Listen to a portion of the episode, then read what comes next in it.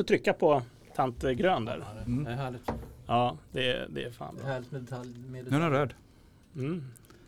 Och apropå röd, nu sitter vi på Norra Bantorget igen. Välkommen till Marknadsförarens guide till verkligheten. Häng med på guidad tur.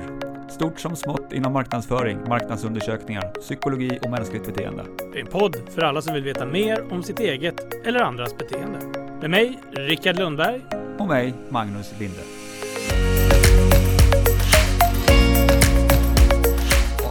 Det, lilla, som är kvar. Och så är det fint väder. Igen, som vanligt. Det, det har vi också hört förut. Ja. Det är nästan så att det är vädergaranti här på. Det, jag tror som sagt det var en gång det, det var Göteborg-väder. Annars har det varit. Vä- väntar du, vi är inne i september nu. Snart, Mm. snart så kommer Snart det dåliga så- vädret.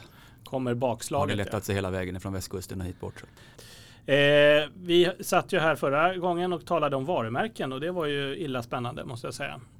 Och eh, vi fick ju också en aha-upplevelse i Clarion. Namnet Clarion, det, det har jag gått och smålett åt ända sedan dess faktiskt. Det är inte Clarion- bara en gammal bilstereo. Nej, Det är ett hotell också. Det, det är ett hotell också. Ja, det, det är helt riktigt. Men vad vi ska prata om idag, då är vi tillbaks och det, är så kul att vi inte bara du och jag har idag he- heller utan vi har en gäst idag igen. Det är ju fantastiskt trevligt. Eller hur? Och idag ska vi prata, vi är lite tillbaka på något sätt. Vi hade ju Georg här för några avsnitt sedan som eh, har eh, oändligt många poäng statistik i, i sina rullor.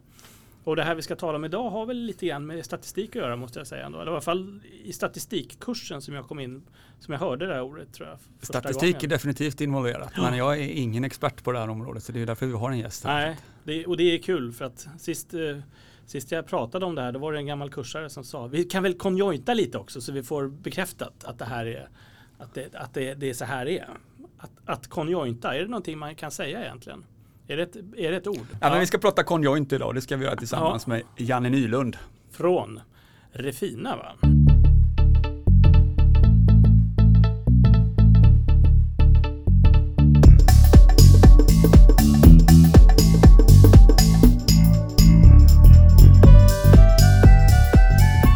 Det.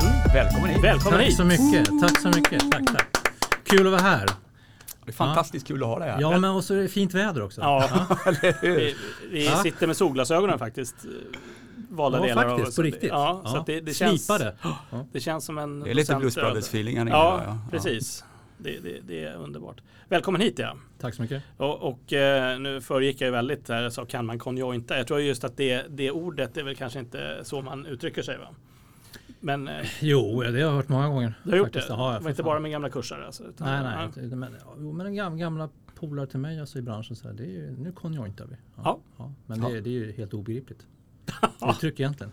Man, man kan göra verb av allt. Det, det, Ja, man vad, kan göra verb. vad betyder det egentligen? Liksom? Ja. Ja, det, är det, ja. Jag förstår inte. Kon får jag, det är med va? Är det inte det? Ja. Con carne, ja. Con gas. Och, sen joint. Consider jointly, om Ja. vi ska vara noggranna.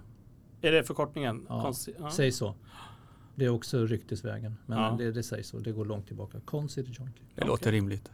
Mm. Men ska vi börja i rätt ja, ända ja, då? Vem är du-? Ja, Du får precis, presentera dig lite ska- grann och berätta om dig Eh, själv och din ja, bakgrund. eh, Janne Nylund från Refina. Jag har kört Refina i ganska precis 25 år. Wow. Mm, det är väldigt länge alltså. Det är läskigt länge. Ja. Eh, innan dess eh, så i botten är jag naturvetare. Ja. Eh, och sen blev jag civilekonom. Pluggade i Uppsala, basblocket, fördjupningen i Göteborg. Och det, det, den flytten gjorde, och då läste jag marknadsföring. Den flytten gjorde att jag kom i kontakt med den här konstiga branschen, undersökningsbranschen. För där fanns nämligen, eh, jag fick kontakt med Burke Marketing Information heter de på den tiden. Och jag gjorde min C-uppsats hos dem. Reklamens effektivitet. Där jag använde deras Day After Recall-tester och eh, foldertester om ni kommer ihåg vad det var för något. Foldertest. Nu Mm. får du hjälpa mig här. Ja, det man, Ja. man, man bläddrar i fejkade tidningar just där, man, har- där man har planterat in eh, annonser. Ja, ja, ja. Ja, just det. Och det var på den här tiden när man fångade folk på stan också? Eller? Ja, det var på den tiden då Stod allting var väldigt och- konkret. Ja. Och liksom, det var riktiga människor framför en. Och Mm. liksom, det var hög svarsfrekvens och det var Ja. vettiga urval. Och det var allt sånt där. Och Så där, där, där, är jag, ja, där hamnade jag då efter, direkt efter plugget. För de sökte nämligen några trainees också. I samma veva som skrev C-uppsatsen. Och det, var- det var ju liksom blev lite lättare då i och med att man hade redan pratat med dem ganska mycket. Ja. Och de såg att jag var intresserad. Så då hamnade jag där. blev- 1988. Oj. Ja, juni tror jag det var. Se där, jag kommer ihåg. Det var en dag i juni. Ja. Ja, det var en dag i juni. Ja. Ja. Ja. 88. Och då satt jag först och kodade i sex veckor. Ja, Ja, fy fan vad tråkigt det var. Kodade Men nyttigt. typ öppna-svar och sånt eller vadå? Ja, typ så. Dela in i netton. Mm. Det gjorde man också förr i tiden. Ja. Ja, det gör man inte längre, det kan jag svära på. Nej. Så där hängde jag och det var där jag faktiskt kom i kontakt med konjunkturanalys första gången. För det, Ja. det höll Burke, eller Infratest Burke som de så småningom kallade sig för, de höll på med det. Mm. Framförallt internationellt. Och det började också enstaka projekt började köras i Göteborg då, från det kontoret. Eh, Och jag var faktiskt med om en fyra, fem projekt ganska tidigt. Eh, så- Och jag gick igång som satan på det alltså. Verkligen. Jag tyckte Okej. det här är grejen. Vad var det som lockade i det då? Nej, det, det var otroligt spännande, fascinerande och någonting, alltså det liknar inte något som vi höll på med i övrigt. Va? Och sen fanns det ju ganska internationellt, så- så- min känsla var i alla fall att det här, de trodde på det ganska hårt. Va? Men det var verkligen i, i det kändes som att så småningom, en fyra, fem, sex år senare så blev Conjoint hett där ute. Mm. Så det var lite innan det. Va? Och var det vid tid då i början på Ja, 90-talet? då, eller? början jag, 90. för jag hamnade på Temo 93 och då var det hypat. Mm. Och så jag tog den rollen att bli utvecklingsansvarig och försäljningsansvarig för konjunkturanalys Ja. på Temo. Mhm. Så att då fick jag två år där jag var ute och missionerade kring med det här. Och mycket, mycket tid och resurser för att göra experiment och testa nya ansatser. Och... Ja, sen, sen, sen, sen, sen, sen, ble, sen blev jag pappaledig. Och då, då av en slump så startade jag det fina. När jag, Mm. när jag liksom Ja, men slump startade du det fina. Ja, faktiskt. Det, det kändes så. Jag blev kontaktad av ett par gamla medarbetare slash kontakter som hade hoppat vidare då och startat eget kanske eller hamnat på en annan, en annan plats. Och så, och så började vi prata och så behövde de hjälp med vissa eh, analysstöd och sånt här och så hoppade jag på det, gjorde det. Eh, och sa upp mig då från tema naturligtvis eh, i och med att det blev mer och mer. Eh, och på den vägen var det. Men det tog ju fart alltså. Och då gjorde du conjoint-studier med Ja, det, ja det, det, det kom in i bilden då. För att jag jag har ju hunnit missionera under ett par år. Så att jag var lite sådär, folk hade lite koll på mig. Så att jag blev kontaktad mer och mer. Mm.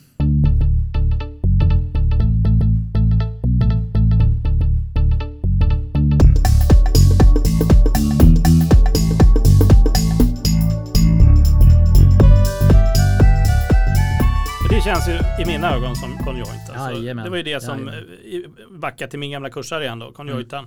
Då var det ju att vi skulle eh, utreda vilka egenskaper i en eh, privat sjukvårdsförsäkring som Mhm. var grejen man skulle slå på. Liksom. Mm. sådär. Och då skulle det finnas ett antal viktigare saker då antagligen. Och då hade man gjort en större undersökning och sen så visade det på ett antal Mm. Eh, Det här är viktigt, det här är viktigt, det här är inte så viktigt, det där är lite. Och så hur de drar varandra på något sätt då. då Just det. var ju tanken. Kom väldigt kort. Mm. Mm. Kan det stämma? Ja, i, i, absolut. Uh, conjoint, consider jointly då. Eh, det handlar ju om att se helheten. Alltså bedöma helheter istället för egenskaper var och en för sig. Just det. Så man, man, man liksom vänder på steken. Eh, och de här helheterna, du varierar helheterna eh, genom att spjälka upp de här helheterna, produkter eller tjänster eller vad det nu är för någonting. Va? I egenskaper och nivåer. Mm. Eh, och på så sätt så, då kan du till exempel, vi kan ta ett exempel, chips. Mm. Kan bestå av egenskapen pris, smak, förpackningsstorlek och kanske några andra saker. Men för att hålla det enkelt. Va? Mm. Eh, nivåerna är då prisnivåer då. Eh, 20 spänn, 22, 24, 26 spänn. Eh, smaker kan ju vara allt ifrån grillchips då till eh, sour cream onion etc. Va? Eh, förpackningsstorlekar, det är väl de små då, 200 grams, 100 grams, 400 grams, vad vet jag. Mm. Eh, och det innebär att varje chipspåse du tittar på den är ju uppbyggd av en på förhand bestämd plan. Då. Så där du faktiskt representerar alla de här nivåerna och egenskaperna på ett vettigt sätt. Så. Och redan där inser man att det här är inte så jävla enkelt i alla fall i dagens marknader. Som är, alltså, allting är inte jämförbart rakt över. Eh, och hur det exponerar kommer ha betydelse. Etc, etc. Men i teorin då så ska ju då varje sån här produkt vara upp, uppbyggd av alla de här nivåerna som ligger i en plan och du mäter så många produkter, det vill säga bedömer så många produkter så att du kan dra slutsatser om vad varje egenskap och nivå betyder för ditt val av produkt. För det, man kommer ju åt vad som driver dig att köpa en produkt bakvägen genom att du, genom att du uttrycker en preferens för olika produkter. Mm. Och så får du liksom värden på alla dem. Så, så det är en liten regressionsmodell det bygger på en individnivå. Mm. Det är ju Just det. grunden. Så man exponerar folk för olika är det i kombination med andra produkter också eller är det den här chipspåsen med du får se chipspåsen för Ja, 20 det kan, ju- det kronor kan ju, jag en menar, du, du kan ju bygga en hel eh, marknad av de egenskaperna. Jag menar, ta chips till exempel. Då har du ju Estrella kanske, du har Pringles, du har OLV. Det är kanske de tre märkena du har. Mm. Och sen varierar de på olika sätt, förpackningsstorleksmässigt, prismässigt, kanske någonting annat också. Då har du byggt i princip en, en marknad där du kanske täcker in en 80-90% av försäljningen. Och exponerar dem då liksom, eh, och ser liksom hur man väljer bland de produkterna, då kommer du få ett grepp på liksom, vad driver köparna på den här marknaden. Är det, är det här en varumärkesmarknad? Det vill säga, är det starka varumärken? Eller är, det, är man priskänslig eller är man smakkänslig? Mm. Och då har man ju koll på det. Då vet man ju vad man ska börja skruva på. Sen gör många så att man, man, man trycker in nya varianter i, det, i den här planen. Va? För att liksom, okej, vi kanske vill gå åt ett visst håll. Va? Eller det kan vara en ren priskänslighetsstudie eh, där du egentligen vill kolla, liksom, kan jag höja priset? Va? Ungefär. Just det. Så det, egentligen, det blir som en simulerad, simulerat lans, lanseringstest kan det bli många gånger. Och det känns ju som att man kan använda det i många fall. Men, men eh, i någon form av förstudie eller produktutveckling måste det vara väldigt Ja, eh, jättebra. Alltså, typiskt. alltså Ja. jag, jag skulle vilja bara slå ett slag för det. Att, Mm. att köra ett små urval tidigt i processen liksom, eh, Mm. och testa det fram. Liksom, Just det. och rata olika varianter på vägen. Ja, Absolut. just det kan räcka med 30 personer. Och, eh, Men då, då, skulle, då skulle jag göra personliga intervjuer. Liksom, liksom verkligen få och, och, pr- prata om andra saker också runt omkring produkterna. Va, som, en- som en riktig förstudie. mm. Är det så produkten används eller känns metoden?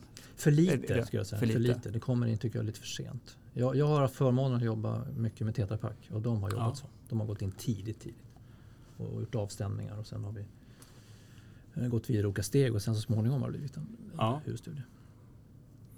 Men du, du sa att om du skulle göra de här så skulle du göra dem som personliga intervjuer. Hur, hur gör man, hur går det till rent konkret? Sådär? Går det här, är det digitalt idag annars? eller? Idag är det nästan bara paneler. Ska jag säga. Det är så ja. Mm, mm. Och då är det, du, du, du, så, så länge vi pratar produkter så, så är det ofta i princip eh, fiktiva hyllor man eh, utsätts för. Mm. Och då kan det vara en, ja, jag rekommenderar inte fler än kanske 10-12 hyllor Eh, per person. Då. Eh, men då, då får du en exponering kanske på 3, 4, 5 produkter framför dig och så väljer du en av dem. Och så kommer en ny hylla upp och så väljer du. Så rullar det på. Får man bedöma någonting i, eller har du definierat innan eh, just det du nämnde här nu med pris förpack, du, du har koll på liksom de olika karaktäristiska dragen eller får den personen som testar också bedöma sen prisnivån och Ja, alltså det, det är ju allting är ju inflätat i produkterna. Va? Men, men jag, har, jag har, jobbar själv med en teknik som jag kallar för en prioriterad ansats. Där Ja. man börjar med att köpintressebedöma ett ganska stort antal produkter Ja. och sen sk- skalar man bort sånt som är ointressant. Och då, ofta är det då så att, att i en final så kanske en 8, 10, 12 produkter är med som man kanske framförallt testar priserna för, vad de pallar med. Så Mm. man skalar bort en jäkla massa produkter på vägen dit. Då. Mm. Och det, det har ju många fördelar. Eh, I, I vår tid så har vi inte tid med så långa intervjuer. då, Så att man skalar bort.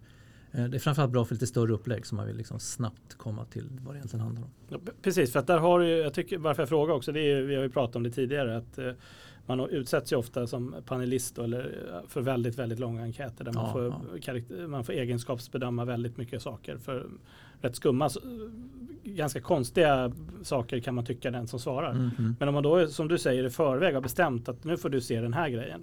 Och där vet vi att där är förpackningen oval, där är priset det och vi har det där. Och då får vi ett svar på det. Och sen så har vi den här produkten som är si, så och skiljer sig på ett annat sätt i ett antal givna. Då kan du dra slutsatser då genom att man föredrog den där mest troligt för att den har den karaktäristiska egenskapen. Ja, då. du, Ja. kan, du kanske är systematisk i, i, dina, val, i dina val. Att du, du väljer produkt som kostar lite. Ja, Då får man en stark pris. just det. eller Alla gick- stark priskänslighet. Då. Ja. Eller du, du, du, du, du går på smak. Oavsett märke. Ja. Oavsett pris. Så att man, det, man, man, man får ut ganska mycket av eh, hur valprofilen ser ut. Va? Hur, man, hur man beter sig Mm. med hyllorna. Och då är det egentligen bara val man gör hela tiden. Man gör inga bedömningar överhuvudtaget utan du Ja, utvärderar i- det här på Ja, vad man i väljer. princip. Sen, sen kan man ju köpintressebedöma produkter men, men det är ett annat slags upplägg. Ja. Eh, Mm. Det kan man göra. Och så, så kan man också ha en inledande, som jag pratar om, en inledande fas där man vill sortera bort en massa skit. Va? Det kan ju vara också eh, att du har delmarknader så, och, eh, och då vill du kolla, du, du vet att folk rör sig inte mellan delmarknader i princip. Du kanske vet om det från början. Då kanske du vill sortera bort ett par delmarknader och så djupdyka på den det den handlar om. Och då får ju den personen välja. Okej, var befinner du dig? Och så Mm. går man in bara på den. Så det finns olika sätt att sortera fram ett mindre upplägg som, som då blir effektivare. eh, inte minst tidsmässigt. Då. Men det sker alltså via frågor? Du, eller? Ja, det, det är ofta då inledningen av Ja, enkäten. okej. Där man sorterar fram egentligen kärnan, vad det ska handla om. Och det här kan göras på massa olika sätt. Eh, Ja. Det leder ganska långt att gå in på detaljerna. Men som du säger, man kan ju tänka sig att det väldigt mycket har skruvats till webbpanelen nu då. Ja, och, Ja. och precis. Och det, och det finns ju, det, är- på många sätt är det, givet att, att respondenterna, är- panelisterna då är, är engagerade och intresserade så, så Ja. är det jättebra för att Conjoint är som gjort för digitala medier. Mm. Ja. Verkligen. För då kan, då kan du vaska runt och du kan rotera runt på ett bra sätt. Och du har kontroll på det. Just det, och det låter som ett ganska enkelt sätt för respondenten också. Man behöver inte de här sida upp och sida ner med skalfrågor. Nej, utan man gör ett val i en hylla. ja. Det är man ju ganska bra på. var precis det jag eh, kände också. Mm. Att, eh, då, har de ju vunnit en väldigt stor bit av mig i alla fall kan jag ju säga. För, Mm. för då har du ju en till synes ganska snabb och enkel testsituation som det känns ganska proble- oproblematiskt att göra. För det är Mm. nyckeln tror jag. Att du nämnde det att de är intresserade och det är klart, man är ju intresserad till en viss gräns. Ja, jag menar lågengagemangprodukter är ju vad de är. Liksom. Ja. Så, att, så att man kan inte överbelasta med för många val heller. Utan, Nej. utan det, och, det, och det gäller att göra det snyggt också. Ja. Snygg exponering. va. Eh, Verklighetstrogen så långt det går. Sen måste man kompromissa beroende på vad, om det är nya inslag som behöver testas. Men Ja. förhålla sig så nära verkligheten som möjligt. Mm.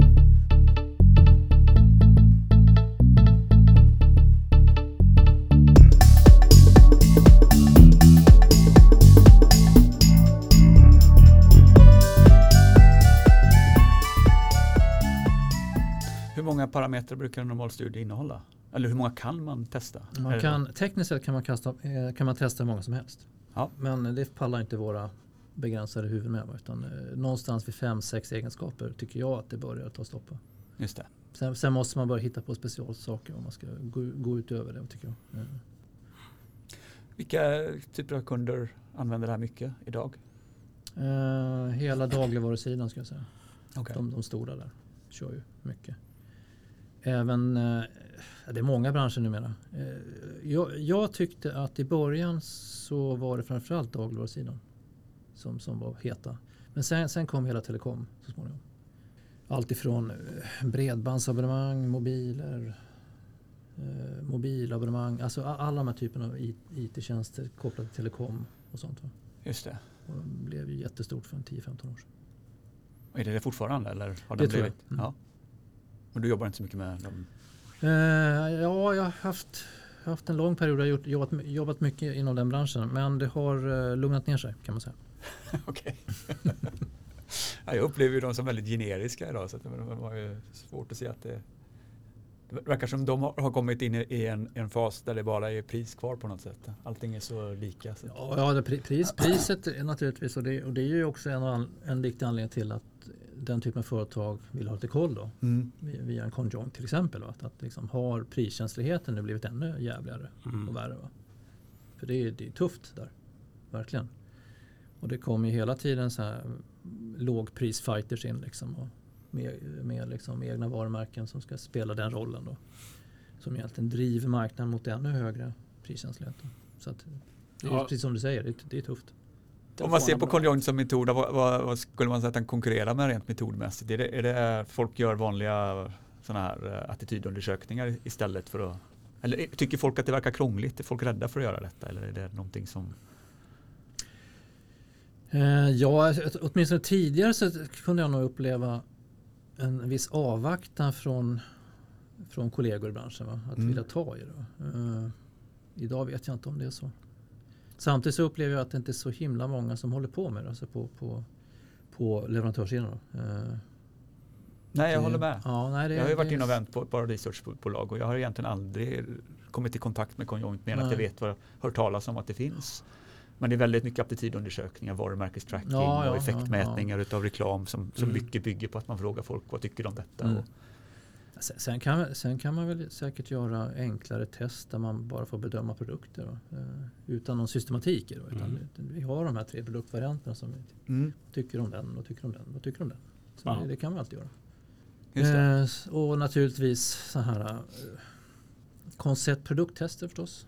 Liksom börja med en konceptdel där du testar kommunikationen och liksom får någon slags prövköpsintresse och sen kanske får pröva produkten senare. Så, så återkommer du efter, efter testet och ja, vad tycker du nu då? Skulle du köpa den igen?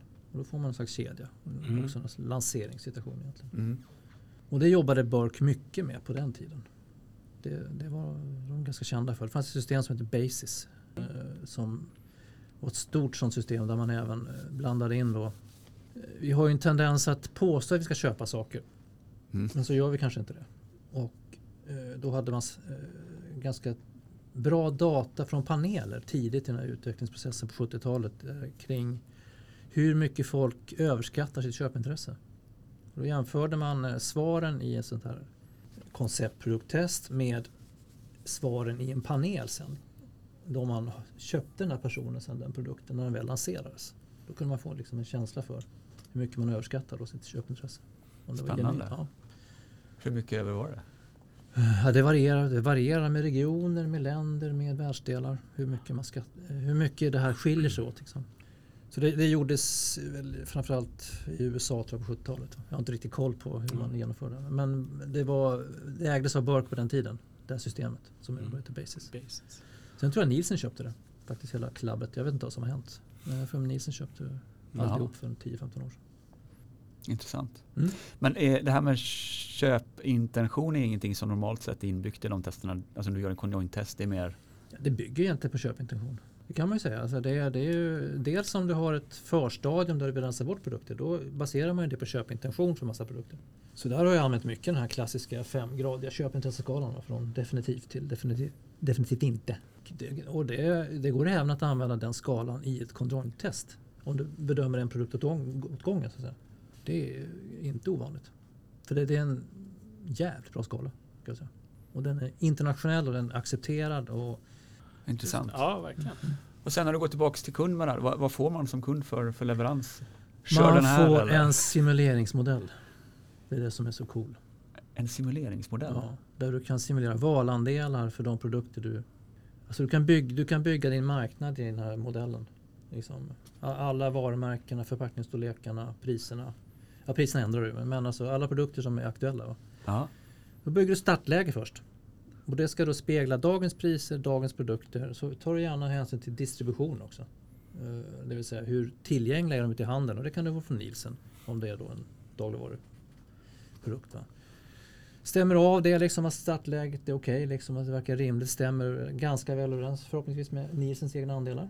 Mm. Och sen går du vidare och börjar simulera. Ändra pris på en produkt.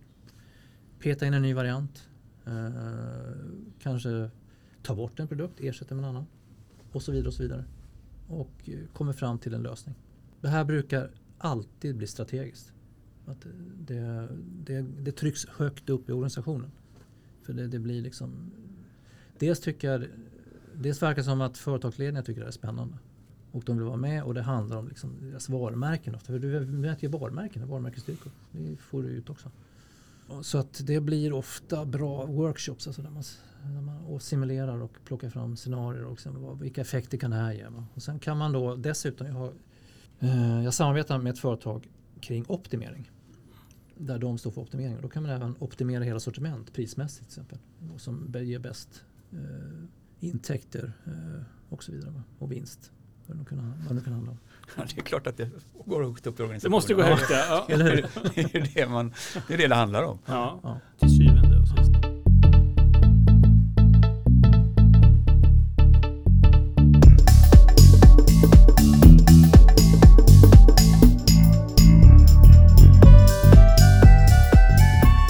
Ja, och på ett ganska det jag tycker låter spännande med den här metoden, eller när man hör den så här, det är ju att den är egentligen ett ganska explicit sätt att ta, samla in data, men det är ändå, man får ändå den implicita delen av hjärnan får arbeta. Absolut, absolut. Alltså, det är ju inte, fråga dig inte så att du överrationaliserar. Nej, precis. Va? För du är ganska spontan i de här testerna. Liksom. Mm. Och liksom, och, I och med att om man nu exponerar det på ett sätt som, som, som liknar verkligheten då, då uppmuntras man ju också bete sig ungefär som man gör i vanliga fall. Va? Och, och det, det har visat sig att liksom, det gör folk till stor del. Mm. Sen blir man i testerna blir man lite mer priskänslig än i vanliga fall. Lite mer pris, Priskänslig. priskänslig. Ja, Okej, ja, det blir man. Eh, och så väljer man ju naturligtvis eh, man, gäller, man väljer okända produkter i större utsträckning än man gör ute i handeln. Och det har att göra med att man blir exponerad på ett neutralt sätt. Att du bygger en perfekt marknad i testet. Och då kommer de som har, eh, som har en låg distribution och närvaro i, i handeln, de kommer få ett, ett, ett tryck upp och bli valda i större utsträckning i testet. Och det ska man tänka på. För det är samma sak, marknadsledare får alltid stryk i de här testerna. För att nu får de helt plötsligt en annan konkurrens i testet. All, allt är lika tillgängligt. Du, Mm. du är inte kung där ute. på samma Just sätt. det. Ja. Så att synligheten Precis, så, att, så, att det, bör man, så det, det bör man tänka på och ha med sig. Att eh, det kommer hända och det är inget konstigt, det är helt naturligt. Men då kan man justera för det vid behov. Om man nu vill, om man nu vill ha ett startläge som ska eh, likna dagens situation innan du går vidare, då kan, behöver du justera för det. Då kan man göra det, man viktar ner. Ja, man, man, man, man, man viktar ner de här. Du kanske har distributionssiffror från Nielsen på de här lite okända produkterna. Då viktar du ner dem enligt de distributionerna. Och då, Mm. då, ser man att andelarna liksom klickar i och blir väldigt likt det som händer ute. Om man har gjort på ett bra sätt rakt igenom. De med vettigt urval och, och så vidare. Och så vidare. Just det, det är en bra poäng. Vad, vad är utmaningarna i att bygga det här? För det, det låter ju som att det ändå är i designfasen som eh, nyckeln ligger för att göra ett bra conjoint. Att det, Ja, det, det, det, det gäller ju att genomlysa hela marknaden så man får med de produkterna som är viktiga och, och, och se till så att det blir så. Eh, och exponera på ett eh, verklighetstroget sätt så att man känner igen sig som respondent. Va? Jobba med vettiga urval förstås så långt det går. Och sen naturligtvis validera det här då, mot någonting. Till exempel Nielsens försäljningsandelar. Så man vet att man har gjort rätt. Va? Och så, du ska också jämföra, du ska också samla in köpvanor från urvalet. För ibland kan du stöta på skevheter som beror på att urvalet är skevt. Så, Du du har inte gjort något fel i testen men urvalet köper inte det där jävla OLV Pringles tillräckligt mycket. Va? Och då påverkar det. Men då har man koll på det. Ja, men det är urvalet som är problemet och då viktar urvalet istället. Så du har alltid någon form av statistisk bas kan man säga på hur, hur verkligheten egentligen Ja, ser ut. givet att det är en sån marknad. Dagligvaran är, dagligvaru, dagligvaror är ju drömmen, där finns allt. Så det, alltså, att, gör, att göra stora fel på dagligvarusidan, det, det ska inte behöva hända. Nej, Det måste vara mer utmanande allt med sig. om du har en ny bransch eller en ny marknad. Ja, eller, och där finns ing, det finns ingen information. Liksom. Nej. Det är liksom, kunden har gjort någon jävla mätning. Fy Ja. ja, säljarna har varit ute och snackat med några kunder. Ja, men den där typen. Liksom, Ja. Då är det mycket, då är det knepigt. Då får man helt enkelt lita på att men det som funkar i andra branscher borde väl rimligtvis funka även här. Va? Så länge man håller sig till de principer som gäller. Va? Så det är Ja. knepigare. Tjänster överhuvudtaget är knepigare. Mm. Har du något exempel på när det har varit riktigt knepigt? Och, Ja, det är de här situationerna där det finns absolut ingen försäljningsstatistik. Det är bara kundens egna statistik som finns. Och, det, och så har vi, fort, och så har vi en massa konkurrenter med. Och kunden har en massa uppfattning om liksom hur det ser ut. Som absolut inte behöver stämma. Just det. Mm. Men då blir ju eh, det du samlar in i en sån studie blir ju på något sätt eh, den bästa data som finns tillgänglig då egentligen. Ja, men det är inte säkert de tycker det. Ah, okay. Det, det finns ju alltid de som vill försvara liksom det som gäller idag. Va? Det nuvarande läget, va? Liksom deras egen självbild. Det, det är inte säkert att man får Ibland, jag, jag jag vet ju ibland när man, man åker till vissa presentationer att, att liksom här gäller det att hålla i hatten. Alltså. För det här är kontroversiellt och det här är jobbigt och jag kommer få alla emot mig. Eller det kommer bli mycket frågor i alla fall. Mm. Just det. Mm. Och man sågar metoden då eller? Och dig som Ja, undersökare? Man sågar. Man försöker väl, jag är inte säker på att man försöker såga men man, man är vaksam och man vill kolla och dubbelkolla och kan det vara si och kan det vara så. Mm. Och det är ju rätt i och för sig. Men, men eh, den reaktionen får du aldrig när det kommer med glada nyheter. Ja, Tyvärr, för man ska fan med vara lika kritisk då. Egentligen. Ja. Ja, jag känner igen det. Minst, Det är ju helt ja. sant. Det är ju det som går under begreppet confirmation bias. Att man bara kollar när, Ja, när någonting går emot det man Mm, själv har, mm. tror. Ja. så, så har jag också upplevt det många gånger när man har gjort effektmätningar på reklam och sen där kommer man tillbaka och säger att det här funkar inte så, så brukar man ju ofta bli ifrågasatt. Det är fler som ifrågasätter metoden, urvalet och alla de här sakerna då, än, Ja. än om man kommer dit och säger att det här Ja, var en jävla otro, succé. en otrolig skillnad. Ja. Ja, nej, men jätteintressant det här tycker jag. Hur, har, det måste ju ha förändrats massor sedan du drog igång för 25 år sedan då med sj- själva teknikbiten i det här eller? Ja, och det, och det är väl li, lite samma sak som med all undersökningsmetodik. Liksom det här med digitalisering. Alltså först det här, den här rörelsen från personliga intervjuer över till panel. Mm. Den jätterörelsen som har skett redan Mm. för 10-15 år sedan. Mm.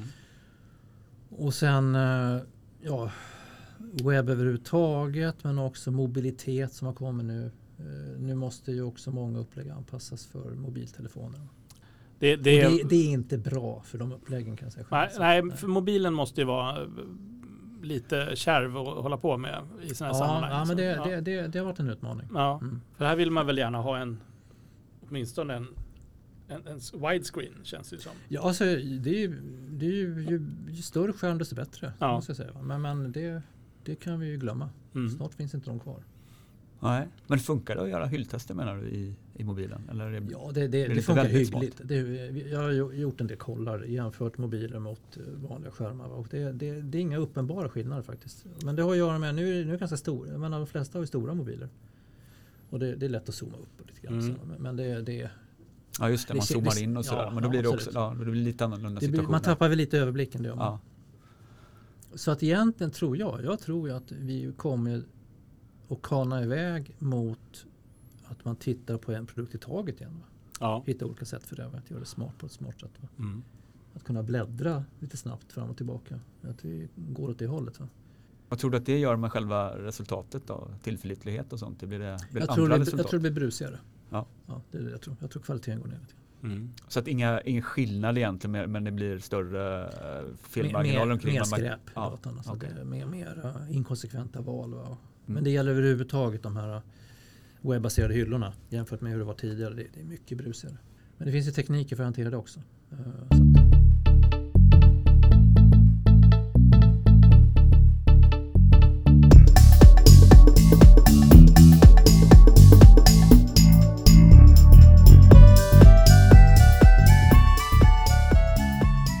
det med allt sånt här? Vi hade en gäst här två gånger tillbaka var det va? som eh, var involverad i eh, AI och machine learning. Är det någonting som eh, kommer in på den här typen av jag befarar att det gör det. Ja, Du befarar. Ja. Jag, men jag ser, jag, det är bara en känsla, en stark känsla. Det, det, här, det kommer att hända saker. men vi är inte från där ännu. Jag tror, jag tror att det är på väg. Sen om det är inom fem år eller tio år, det vet jag fan. Men det är på väg. Winter is coming. Ja, verkligen. Winter is coming. Ja, ja men du, du, du, är mer, du är mer eh, Stephen Hawkwinsk i ditt... eh, han, han sa väl att eh, det är slutet för mänskligheten när det, när det kommer dit. Ja, det är en lite Mm. annan typ av Det är åtminstone slutet Mm, för mig som undersökare ska jag tro. ja precis. Slutet. Ja, men precis. Ja, men det är väl lite så. Ja, Exakt. Ja. Men, det är ju ja. tragiskt. ja kanske. Eller också kanske skönt, vad vet jag, om några år. När man, när man ser att det, att det bara rullar in de här grejerna. Liksom, nej, nu hoppar jag. Ja, det, det är kanske så. Man kanske till, tillräckligt gammal så man hinner liksom eh, avveckla sig Frågan är om man innan. orkar. Nu, nu vet man inte hur det kommer se ut, va, eller vad som händer exakt. Men på något sätt så tror jag att det där kommer att revolutionera saker och ting. Mm. Att kanske conjoint som teknik försvinner. Att man ersätts av någonting annat. Oklart vad dock. Ja, precis. Att Ja, man, och att då man, är frågan om, eh, om min generation pallar med den omställningen och liksom vara med där. Det, det är ju en annan fråga. Nej, och det är väl frågan vad, vad man ska göra i det också. Då, om, allting, om, man, om man bara matar en algoritm alla de här valen och, och, och den lär sig Just det. oändligt mycket snabbare än vi någonsin kan göra ja, själva. ja. Liksom det. Men jag har, jag har ingen bild av hur det kommer se ut. Nej. se ut. Men än så länge så, så känner du inte av det utan det Nej, är nej. folk Det är köper fortfarande tjänster. Som, inte närmaste kvartalet i alla fall. Ja, det är en ganska bra tidshorisont. Jag tycker det, Ja, ja. Kvartalsekonomi. Ja. Nej, men, men tänker man sig stora webbutiker som kopplar på en liten AI-grej här som är smart, som verkligen lär sig. Menar, Mm. då inser man ju snart att liksom, de kan ju lära sig oerhört mycket på det som sker där ute i butiken. Liksom, hur, Mm. hur folk rör sig, vad de gör och vad de triggar på. Oändliga möjligheter Mm. om man är inne där. Och då kan jag tänka mig att en hel del research åker ut. Alltså. Ja, det är väl den trenden som vi har sett, när vi har pratat med folk i podden och pratat med andra sådär, Mm. att, att många säger det att även, på stora researchavdelningar ute på stora företag idag så har de gått mer mot att vara ansvariga för att just ta den här ta hand om dataanalysen av all transaktionsdata Mm. som de Mm. egentligen får Mm. in. Och sen så finns det en del annan eh, såna UX-studier sånt som ligger uttryckt i organisationen. Och sen så kommer den kvalitativa researchen tillbaka i Ja, eh, större Tidigt skede så. Ja. Mm. Så då kanske det skulle vara den, den pendeln skulle vara att den här typen av studier som du representerar blir mer de här förstudierna som du var intresserad av, de här 30 pers och Ja, just det. Kanske ska hänga, inte- hänga de som- kvar där. de som ännu inte är ute i 30, butiken, ja, liksom, ja, när man behöver veta i förväg vad som händer. Ja, det. Kanske Ja. där, där ska vara. Ja, Fast förankrad. why not? Det som folk inte Några, gör så mycket några nu. kvartal till. Ja. Ser du andra trender i, i, i den marknaden som du är involverad i? Som, hur tror du att marknaden Det, det är väl marknaderna blir ju kort sagt jävligare och jävligare. Ja. Alltså, de är fragmenterade, de är konstiga, det, de blandas. Liksom, det är svårt nästan veta vad som konkurrerar med vad då, i Mm. många sammanhang. Det kan man, man kan ju ana det eh, när man ser eh, hur produkter placeras i vissa butiker. De har svårt att veta, fan ska den vara någonstans? Är det här en sån på den avdelningen ska den vara där? Mm. Så det är sådana här överbryggande saker. Mm. Och där kommer ju naturligtvis strula till det för när man bygger den här typen av tester också. Mm. Vad konkurrerar vi med egentligen? Och vad ska vi exponera? Liksom? Vad, vad är det för köpare? Det, det, det, och det, men det har hållit på ett tag och det, det blir bara värre och värre. Ja, hur hanterar man det? Är det mycket diskussioner innan man Ja, kommer då måste, igång då? ja, det, det, det är en av de första frågorna. Liksom. Hur, hur ser marknaden ut? Så, så börjar man prata om det. Så inser man liksom att det här är inte helt uppenbart. Och då blir det här, förr eller senare måste man börja begränsa sig. Mm. Och, och så. så det, blir, det blir mycket större sådana diskussioner. Vad är vår marknad? Vad, vad jämförs vi med?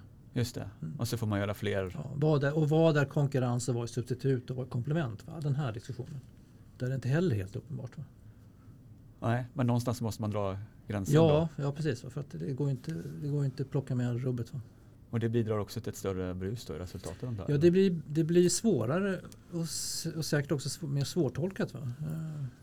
Eh, Men det, det där tror jag det måste slå igenom eh, på många un- undersökningsformer. Där är att man, vad fasen, vad slåss vi mot egentligen? Mm. Mm. Eller hur? Ja, alltså, jag tror att researchen står inför rätt stora utmaningar Ja, överhuvudtaget. ja, ja, Det- ja, ja. Ja. Eh, Inte minst det du har varit inne på flera gånger, det här med vettiga urval. Ja, det, ja, det ja, är ju ja, en, det är- en eh, fråga som man Det kan har väl gjort med. mig nästan mest dyster de senaste åren tycker jag. Liksom det här liksom att, att hur, hur man accepterar lägre och lägre svarsfrekvenser. Liksom och, och det är till och med så nu så att paneler orkar inte ens rapportera svarsfrekvenser på ett vettigt sätt. Utan det blir bara så här många har vi skickat ut och så här många kom tillbaka. Ja.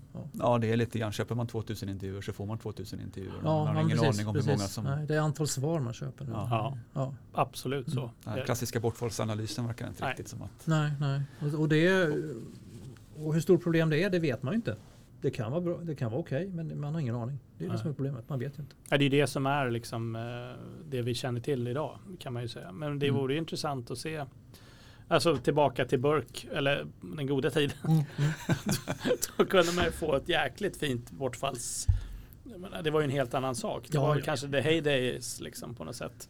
Nu säger man att det är så bra med research att man kan göra så mycket så lätt så snabbt. Men man glömmer den där stora, eller man, man bortser eller blundar kanske för ack så viktiga delen med vilka vi faktiskt pratar med och vad de representerar. Ja, men det, sen, sen, sen naturligtvis så, menar, för att parera sånt här så är det klart, det är klart att man, då har man ju lite hängslen och livrem. Man eh, ser till att om du är på en marknad så kollar du av köpvanor Mm. i det urvalet. Mm. Det kan ju åtminstone ge en viss stadga till att okej, köpvanorna för urvalet ser ungefär ut som marknadsandelarna ser ut. Ja. Då, då vet du åtminstone det. Men det säger ju inte allting. Det kan ju fortfarande vara så att du träffar på folk med lite beteenden som inte är representativa. Va?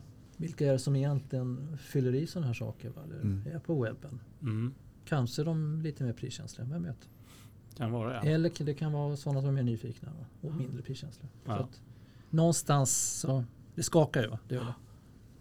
Ja, det är, det är intressant. Men det är ju inte ett eh, problem för, conjoint-studier alena. Nej, det utan nej, ett- är ett bransch, eh, eller problem, en Mm. branschutmaning skulle jag säga. Egentligen finns måste det inte så mycket som är specifikt för conjoint utan det- är generella saker. Ja. Så det är stora utmaningar som drabbar de flesta. Men eh, jag tyckte det var, men, men eh, tillbaka till din lev leverans. Mm, måste bara mm. få, då får man alltså vara med i en, en workshop där vi simulerar då kring eh, det vi har testat. Om vi gör si, om vi gör så. Ja, of, oftast, har oftast har jag med mig ett antal bassimuleringar liksom, som, Mm. som egentligen svarar mot syftet med, med upplägget. Men har du byggt något system för dig själv? Eller är det, Ja, så jag har, eh, vad var det, 1996 byggde den första Excel-baserade versionen av simuleringsmodellen. ja. Wow. Men den var jävligt primitiv. Alltså. ja, det var knappt så det, man fick ut någonting. Men, nej, men det, det var den första. Jag kommer ihåg varje simulering tog ju 30-40 sekunder. Mm. Tycker jag. Nej, idag är det så här. bara. Ja, ja. Det är, det är under en tiondel sekund. Oavsett vad du gör nästan. Så det är en jäkla skillnad. Men, men så att det, därför jag saknade det. Eh, Det, det finns naturligtvis jävligt bra programpaket för att hantera sånt här. Och även Mm. inbyggda simulatorer Mm. som man jobbar med. Men på den tiden fanns ju ingenting Excel-baserat. Och jag ville ju... Och dessutom så hade jag en del behov simuleringsmässigt som jag tyckte att jag kunde inte få det via de här paketen. Då. Nej. Så på den vägen är det. Så nu, nu ja, det är snart, ja det är ganska precis Det är 30, 25, 25 år sedan jag byggde ja. den första. Ja. Mm. Och så, så att jag, jag utvecklar den Mm. gradvis. Då. Är det fortfarande Excel-baserat? Ja. Wow. Det ska den vara, Ja, Det varför ska inte? de ha. Ja. absolut. Varför Det är inte? så enkelt. Folk är så bekanta med den miljön. Liksom. Det, det, ja, men det funkar bra. Ja. Och då lämnar du efter dig en, en, Excel-fil? Ja, med- eh, för i, i den mån som, det är inte alla kunder som vill ha det. De, de vill inte simulera själva. En del. Vill Nej. de ha en, en rekommendation av dig då? Eller? Ja, det är klart. Ja, det, är klart. Men det, vill de, det vill de nog alltid ha. Men, men, men, men eh, en del är obekväma med Mm. att sitta och simulera själva. De tycker att det är så många inställningar. Och det är så... ja. ja, men jag tappar lite kontrollen över. Liksom. Och det, sen, är, sen finns en annan, ett annat problem. Det är att börjar man simulera så är det lätt att fastna i det. Man sitter bara och simulerar hejvilt liksom, hit och dit. Och Mm. liksom tappar lite grann fokuset från syftet. Mm. Så jag, jag har ändå försökt göra så att, att för det mesta, när, när, framförallt när det är direktkunder, att ta med mig ett antal bassimuleringar. Som, som liksom, och utifrån dem så kan man göra tilläggssimuleringar. Men bassimuleringarna ska i, i, grova slängar, i grova slängar svara på syftet. Vem är din kund? Är det produktchef eller är det... Eh, Det hamnar, det är så olika, men det tenderar att tryckas uppåt i organisationen. Det, Ja. det kan initieras kanske på produktchefsnivå. Ja. Eller, och sen, sen så när, när organisationen ser vad det här kan ge, va, då blir de jävligt intresserade. Så Ja, det, det blir fler människor som kommer in. För det måste ju också bygga på att du får mycket tillbaka. Alltså att du får insikt i deras eh, Ja, ja det, det, är- det är värdefulla en jätteviktig data. Diskussion inför. Mm. Det- Man måste verkligen genomlysa problemet. Eh, Ja. Det, och det är också för kunden eh, ofta ganska arbetsamt att plocka fram allt som behövs. Mm. Det är en hel del som ska gås igenom och tänkas igenom och, och levereras då, Ja. i, i material. Då. Allt ifrån produktbilder till, till statistik kring marknaden och sånt där. Ja. Ett typcase, hur lång tid tar det från start till mål? Eh, om inte kunden, eh, om kunden orkar så kan vi köra på 5-6 veckor. Men det kan ofta bli, ta stopp lite grann. Kunden Mm, behöver mm. mer tid. Och hur mycket i fältperiod är är den då? En till två veckor. Okej. Ja, Ja. Det är Nej, det krävs ett förarbete förstår jag. ja Det- det, och där, även- där ligger tyngdpunkten. Mm. Och så ska det ju vara för att har man väl satt förarbete då ska det inte bara rulla igenom. Då ska det inte vara så mycket problem på Mm. vägen. Då tickar det på så trillar det ut en simuleringsmodell. Ja, Och ett gäng förhoppningsvis. bassimuleringar. Det är skitintressant. Ja, jag tycker det det är superspännande. Jag gillar just det här att det Mm. är att man samlar in liksom väldigt explicit men det blir ändå på något sätt att man tangerar den här delen av hjärnan som inte håller på att rationalisera för mycket. Ja, ja. Uh, så det blir ju på något sätt en Och implicit och där, metod. där, där, ser, där ser jag utveckling. Ja, det har vi pratat om i ett par sammanhang. Det här med beteendeekonomiska eh, aspekter och effekter.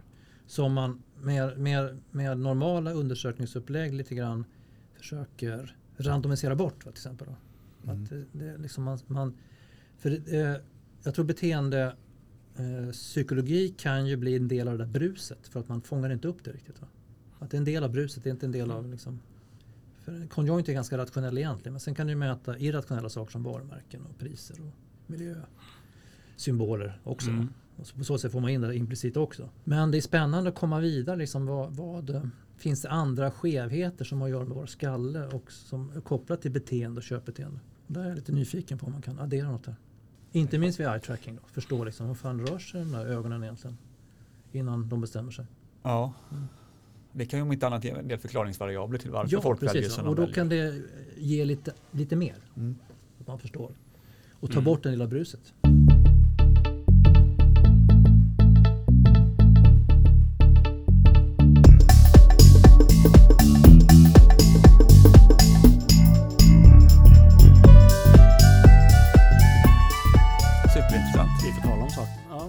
Göra. Mm. Tiden rusar iväg. ja, titta. Ja, nej, det, är, det är som vanligt. Precis när man känner att man kommer igång så måste man... eh, ja, det, det, är, det är som fester. Ja. Alltid kvar fester, sist. ja. Ja. Den som minns minst dagen efter. Ja. Ja. Nej, men det här är jättekul, jätteintressant. Och eh, Ja. vill- man veta mer så det första man gör är att gå in på refina.se då. Eller kom eller vad är det? Eh, punkt .se är det va? .se, ja. Mm. Det är, de är så, alla är så välkomna. Titta Mm. lite. Det står inte så mycket där, men det är mer, den, den är mera... Ja. Men om inte annat så finns dina kontaktuppgifter där. Ja, ja, absolut. absolut. Men annars kan man mejla dig på om man, vill, om man nu vill göra en sån här. JN Jakob Niklas at refina.se. Ja. Mm, det går Jakob alldeles utmärkt. Niklas, refina.se. Wow. Ja.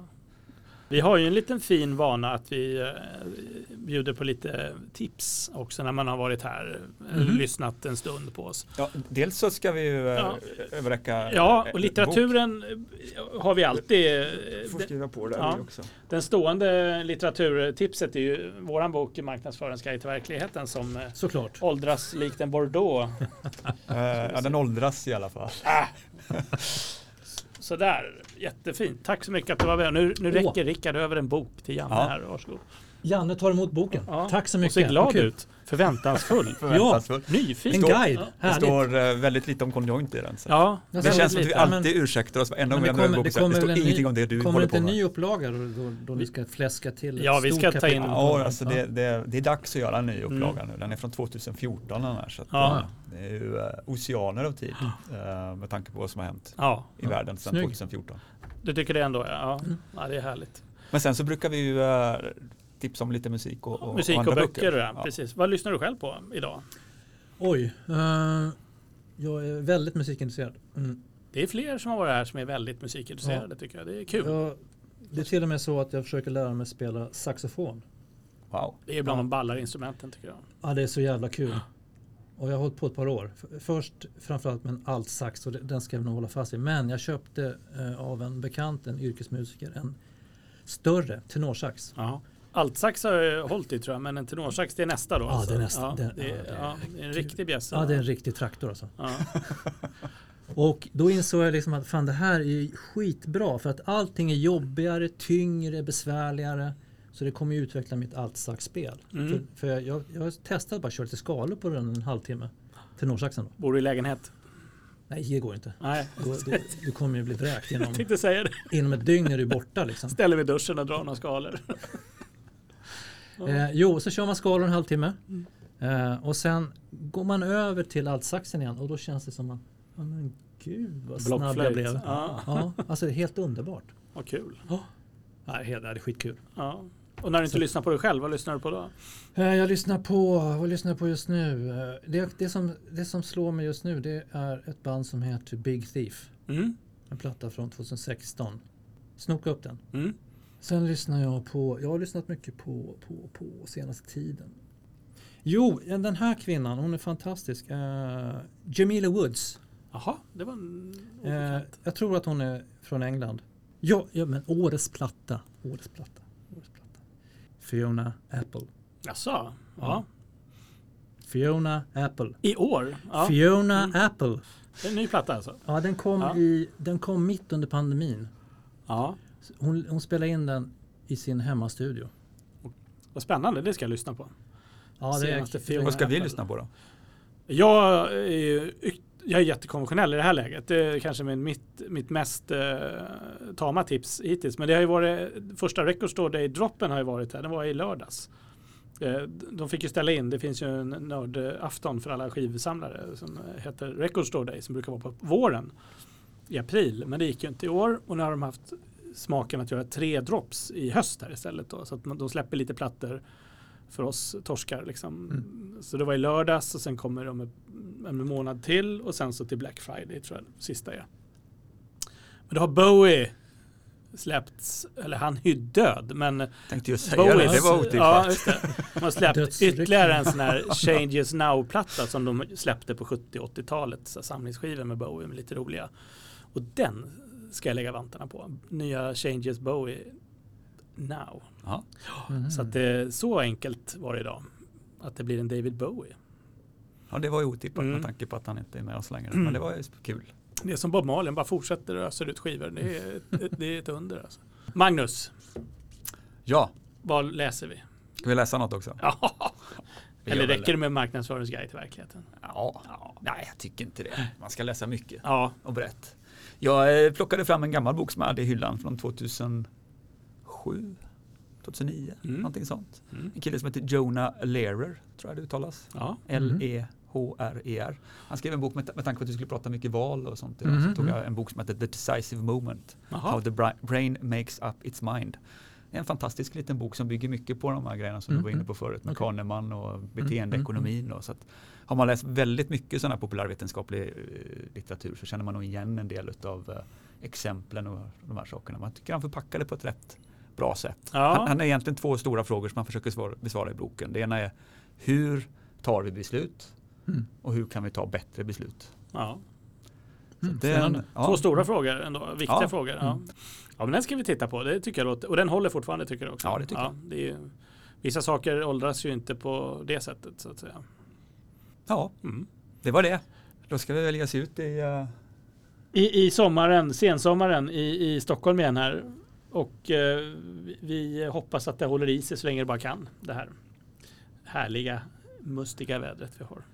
Vi Mm. tackar Janne så mycket för att eh, stort du tack. tog dig hit och Tack eh, Kul att vara här. belyste äm- konjoint, att vi fick konjointa lite. Ja, det, var, jag tycker det var, jag log stort och brett när jag kom, kom ihåg den gamla sägningen. Men det, det finns... eh, Men den håller än. den håller än, det tackar vi för.